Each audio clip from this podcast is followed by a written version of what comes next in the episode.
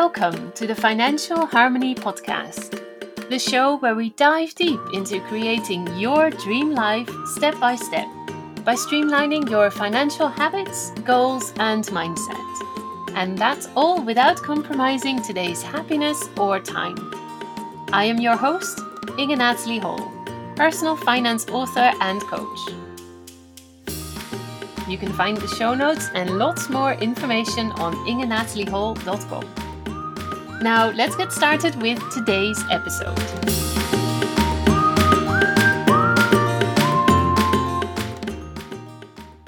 Hello, and welcome to another episode of the Financial Harmony Podcast. This is episode number 10 How these four emotions can stop you from achieving your goals. In today's episode, I'm going to have a closer look at what some common emotions are that we experience when it comes to money, and what the best way is to deal with them to make sure that they don't impede our progress. As much as we like to distinguish between logic and emotion, and believe that we can make decisions purely based on reason and knowledge without being influenced by our own feelings and sentiments, we are influenced by our emotions a lot more than you might think. The field of emotions is a fascinating part of our human minds, and as they have such a big impact on our daily lives and decision making, I wanted to dive into this topic more and uncover some common emotions that you too might have experience with, and talk more about how to become aware of these emotions with the ultimate goal to make sure we don't let them stop us from reaching our dreams and our goals. Just a heads up that this episode has once again a free download you can get in the show notes on ingenatalieHall.com forward slash episode 10, where you can find a quick list and all the tips of what I'm going to talk about today in a document you can download for free. So let's start at the beginning, which is why emotions have such a big influence on our behavior and decision making. As a trained neuropsychologist, I am going back to my roots here for a moment and talk a little bit about how our mind works. But don't worry, I'll try and keep this as simple as possible. Our human brains essentially consist of three main parts. The first one is our brainstem. This is our most fundamental part of our brain and it controls most of our automatic functions. Think about breathing, our heart rate, our body temperature control, and our sleep cycles. Our brainstem is at the base of our brain and is directly connected to our spinal cord that sends messages up and down our body. The second part of our brain is our cerebellum. This part of our brain is positioned just above our brainstem and is principally responsible for such things as movement, muscle coordination, and balance. The third and biggest part of our brain is the cerebrum or cerebrum in American English, which is a very complex structure with many different substructures and functions, including our senses, language, memory, and learning skills. There are the deeper structures here that are believed to be responsible for emotions, memory, attention, and pain awareness, all the way up to the higher cortex or grey matter areas that are involved with higher level thinking, planning, and impulse control. Now, why are we going into the anatomy of our brain? Apart, obviously, from the fact that I find this fascinating. Well, scientific studies have shown that the areas of our brain involved in more complex and higher level tasks, such as language, planning, and memory, evolved later than some of the deeper and basic structures, including those involved with emotions, which are therefore older from an evolutionary point of view. Another difference here is that our emotional system is much faster at processing information, often unconsciously, compared to our much slower conscious system that is located in the cortex and able to analyze information more rationally.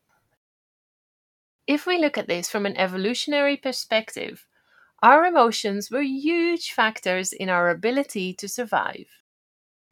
So, if we saw a big saber toothed tiger, for example, or a poisonous snake, our bodies made sure that we reacted instantly because we felt fear. This is exactly the same process that still protects you today from a car that races down a road and is about to knock you over. Your body instantly makes you feel scared of the approaching vehicle, which allows you to react instinctively. Before you have even consciously become aware of this, you can jump out of harm's way. The rush of adrenaline you feel afterwards is all to do with the fact that the fear causes other parts of your body to be able to get into action immediately. So certain hormones got sent out at a speed you can't even imagine. Your muscles got into action and your senses were all ready to get you out of danger. Imagine you had to wait for your slow, big, analytical brain to sort this out for you. You would have been run over about 30 times probably before that part managed to get all rolling and get its messages out to the various parts of your body to get moving. This combined factor of the emotional system being older and it being faster and more unconscious compared to our conscious analytical mind means that emotions have a far bigger influence than we like to think on our decision making. The fact that we are often unaware of their influence because they are processed at an unconscious level provides us with a huge challenge if we want to look at the effect our emotions have on our behavior. I hope this all makes sense, but don't worry, you don't need to remember the details of the brain structures. It is just to highlight how much our emotions are super powerful when it comes to getting us to do things, whether we like it or not, and that we often aren't aware of this ourselves as they don't manifest themselves most of the time, or at least not in a simple way. The good news, though, is that you can become more aware of your emotions if you know what to look for. And once you are more aware of your emotions, you can help your brain to take them into consideration when it is trying to analyze or plan or organize your financial life. Some of your emotions might be sabotaging your progress when it comes to personal finances and pursuing financial harmony. And these emotions can be a little sneaky because they can influence your actions on a subconscious level, as we just saw. The thing is, some people, when they hear about being influenced by emotions, they instantly think about the feeling of sadness or the stereotype of women crying. I think this is typical of how emotions can have a negative connotation and why you might feel your emotions need to be put secondary or be ignored, as many people see them as inferior to our more grand and important logical abilities. I have definitely, over the course of my especially work life, heard enough of the argument that women cry so easily if they are upset.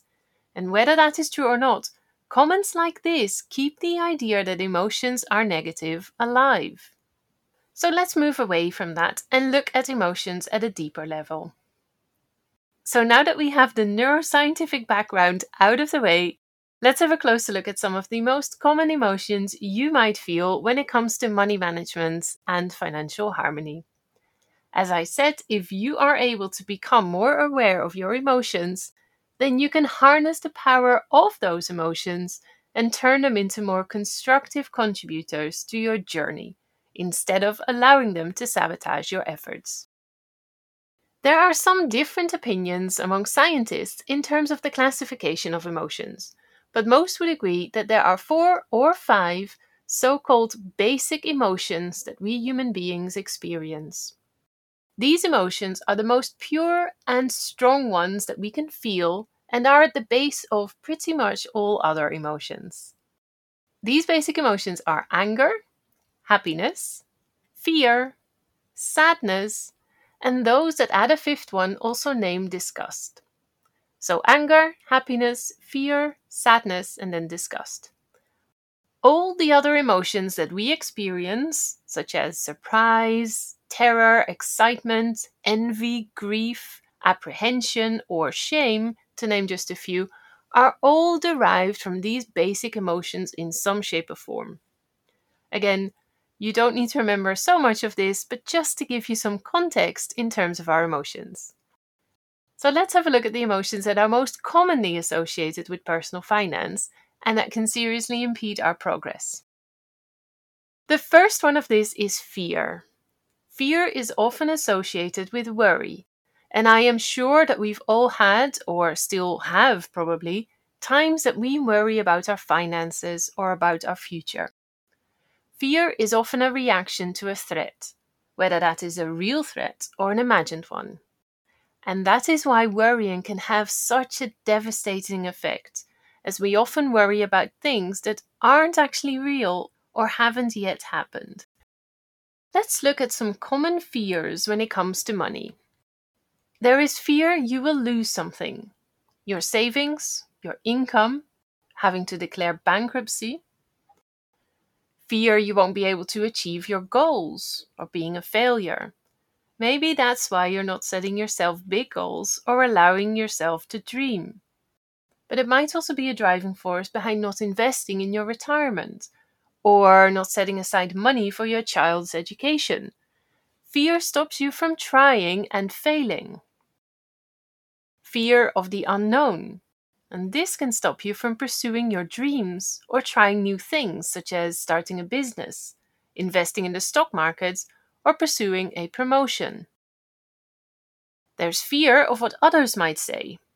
For example, if you don't have the latest gadget, or if you choose to set up your own business, or if you decide not to be a stay at home mom, or the other way around.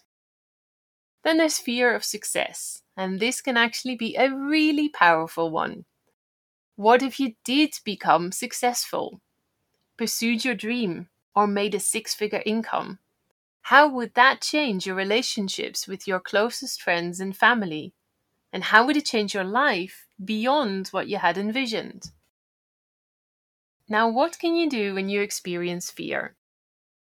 Fear is one of the most powerful emotions. If you remember, it is one of the basic four emotions. That's because it does such a good job at protecting us. But it also does a brilliant job at stopping us moving forwards.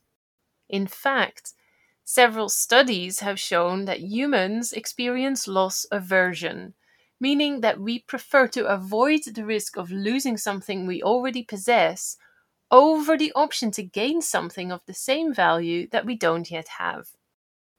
So fear holds us back when it comes to moving forward.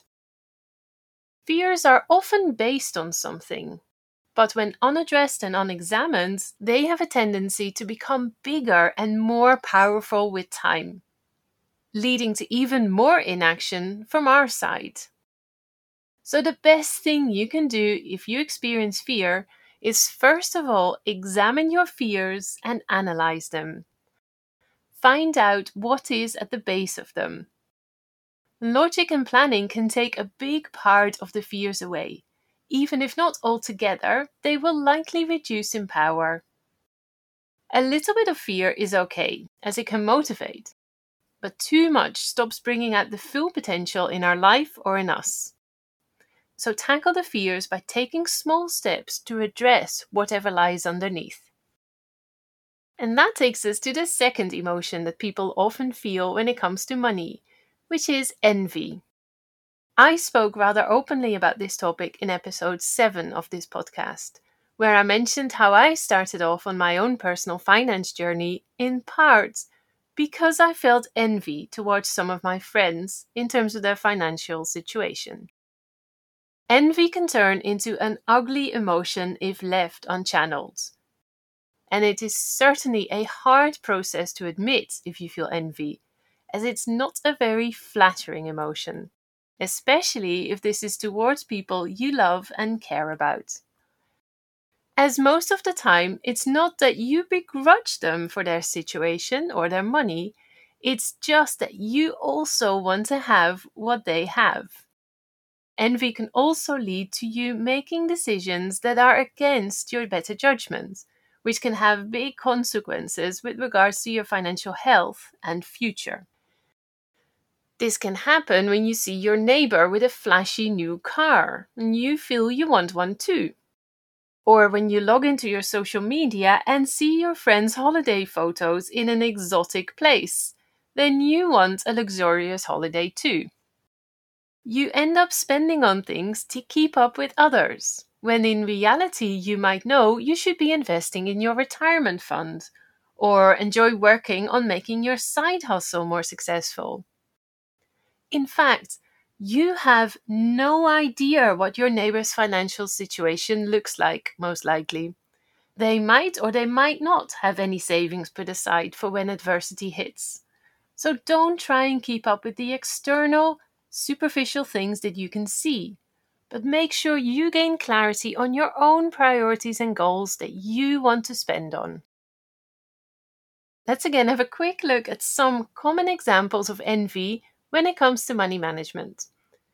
So you can feel jealous of other people's financial situation and feel you deserve at least the same or even more than them. Maybe because you've worked harder or had a more challenging time or some other reason. Or you try and keep up with people around you by buying things you don't really need or even want. Or you try and outdo them by buying bigger, more, or more expensive. So, what can you do when you feel envy? If you're brave enough to admit that you feel envious towards other people, then you've taken a big step already. As I said before, envy is not an emotion we like to admit we feel, as it's not considered a very positive one. A powerful thing to remind yourself of is that while you are envious of other people, there are likely others who are envious of your situation. If you don't think there are people who envy you, then start practicing gratitude for all the things you do have. You might have less money than your neighbor, but you have money. Have a look around you, either close to where you are or further afield, as the world is full of people who'd love to have a fraction of the money that you have. Do you have a house, clothes, food, an education, access to healthcare? Any idea how many people don't? Extend your gratitude to not just the physical possessions, but think about other things you are blessed with too a partner, your family, your pets, love, friendships, living in a war free zone, now, I also think that just like any other emotion, envy isn't just negative. I myself felt jealous of some of my friends' career progress and promotions, with, of course, the accompanying pay rise. But once I was able to admit those feelings, I used that to have a good think about what I wanted and how I wanted to progress. And thanks to that, I started working on a new project which has given me more joy and satisfaction than I ever expected, and which with time I know will provide me with the money I want. So if you feel some envy, then try and put that energy into working towards your goals. And that may well be something else than that new fancy car, but something you truly care about. Okay, moving on to the third emotion, which is shame. I think this is a huge one. We feel shame when we are embarrassed about something that we have or haven't done in the past. And when we look back on it now, we judge our behavior very negatively and we can feel inferior or worthless. When it comes to money, shame is often to do with mistakes that we feel we made. We feel others will judge us on these mistakes, and we'd rather not talk about them and hope nobody ever finds out about them. Again, I have shared some of this before, but I had no idea how my mortgage really worked, how much interest we were paying, and why I had a life insurance until after I had had my mortgage and that insurance for about seven or eight years when I decided to actually go and find out the details and what this meant for my finances. So I felt shame because I had committed to a huge financial agreement, which was my 30 year mortgage, without me fully understanding what it all entailed. On top of that, I now feel ashamed as well as a personal finance author and coach to even admit this as supposedly I know these things. Well, I do now, and luckily I know a whole lot more about personal finances too, but there was a time when I didn't. And I know what that feels like, and I know what shame feels like. But we can also feel shame out of insecurity when it comes to money. Something as simple, in quotation marks, as money shouldn't be such a problem after all, right? Why else did we never learn anything about personal finances in school? Or are we able to get a mortgage for big amounts of money if it weren't for the fact that surely money is just easy? Well, managing your money isn't that easy at all if you don't know what to do or if you have never been taught. So it's kind of normal if you feel insecure about that side of your personal life. So here's some common topics you might feel ashamed of. Having raked up too much debt. Not saving, not saving enough money, or not having started saving earlier. Not earning more money. Spending more money than you know you should on something. Not understanding something. Being the only one in your group of friends who isn't investing in the stock market or in bitcoins not being able to negotiate better conditions at work. I think this list can go on for a long while, probably, but you get the idea, I'm sure. Not knowing something or not being honest about the specific situation you are in can really hinder your progress when it comes to taking action.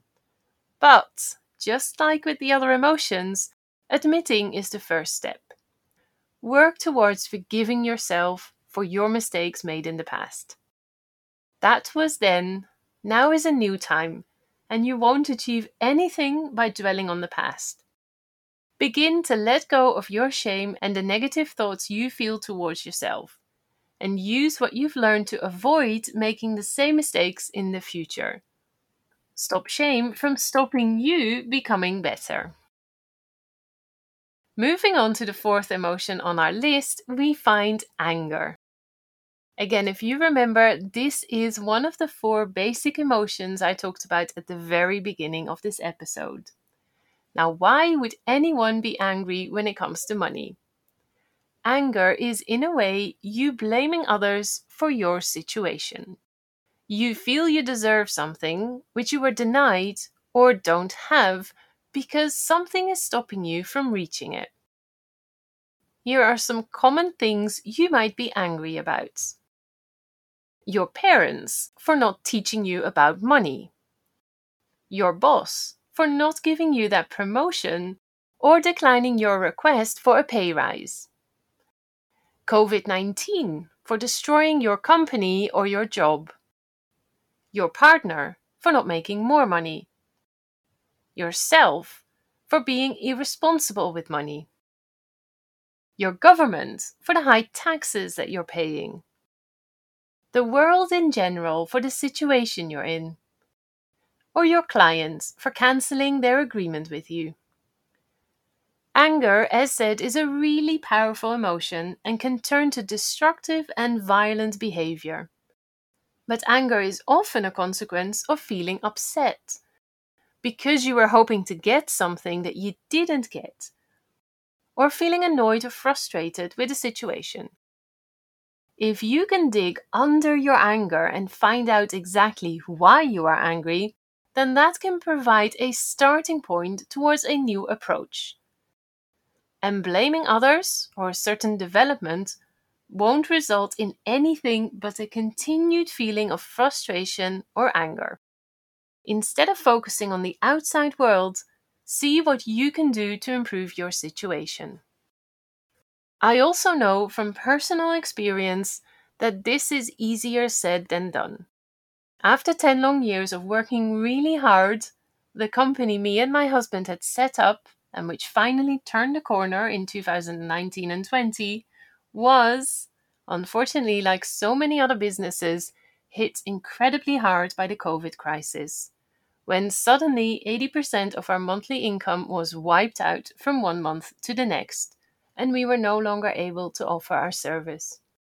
Of course, I felt, and as at the time of recording this, we are almost a year later and still in pretty much the same situation, I still feel anger at the virus, anger at the way we were hit so badly, anger that as an entrepreneur in Spain, I got almost zero help from the Spanish government, and help was only available to employees or big companies anger at other people who felt the need to heavily socialize over Christmas, whilst me and my husband kept our little bubble, and now infections again are soaring and we're looking at new restrictions again. Sometimes this anger is understandable, and sometimes it is totally out of context, based on poor information or just based on my own frustration. Of course, it is nobody's fault that I am in the situation that I am in it's just an unlucky mix of circumstances. The anger won't help me. If anything, it paralyzes me to take action. The days that I feel anger, I don't do much. I'm unproductive and unhappy.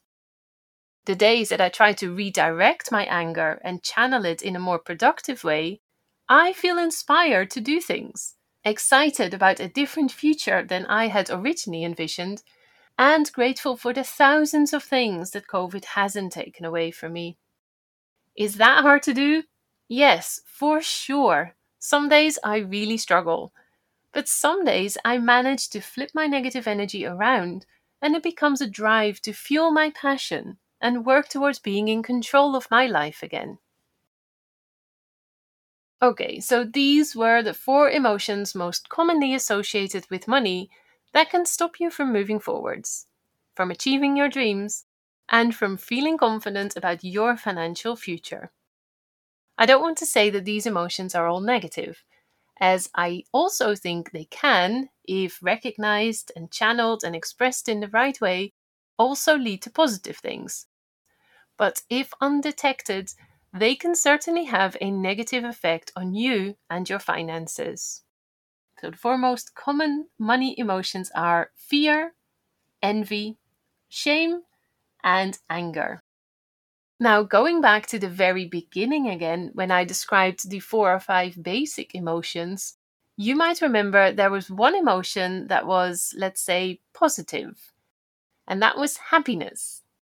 Happiness can come in many different forms joy, excitement, optimism, anticipation, love, when I described the four most common money related emotions, I gave you some specific ideas on how to address these emotions. But knowing that happiness is also one of the basic four or five emotions, I can really say that trying to channel your emotions towards a positive outcome can be a super important strategy to help you turn your emotions into your secret power.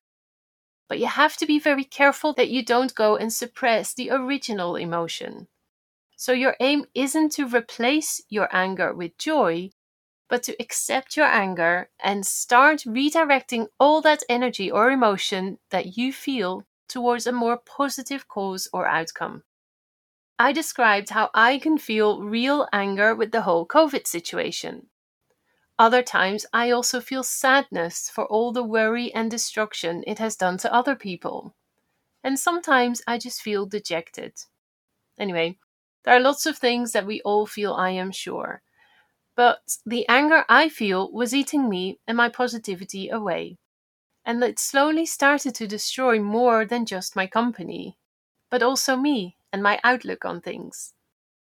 I have, with quite some time and effort and energy, been able to, most of the time, channel this into a more positive outcome, which is firstly this podcast, which is 100% a direct result of the COVID situation, as well as my really exciting plans for my business.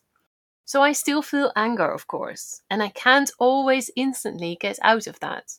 But I am now much better and quicker at turning that anger into a more positive outcome and channel it into something that makes me feel excited, joyful, and optimistic. If you ever feel any of the emotions above with regards to your money, then I would like to encourage you to think about this all a little more. Find some time to really uncover some feelings and then use these tips to try and stop those emotions hindering your goals and your journey to financial harmony. I hope this all makes sense, and I think that was all I wanted to talk about today. Remember to check out ingenataliehol.com forward slash episode 10 for your free download with this episode, which has a quick recap of these emotions and the simple strategies to counter their effect. So that was it, the end of this episode of the Financial Harmony podcast how these four emotions can stop you from achieving your goals. I hope you enjoyed it. Make sure to subscribe, and I'll see you next time.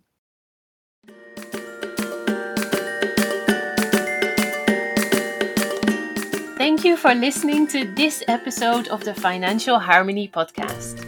If you enjoyed today's show, please make sure to subscribe or leave a review.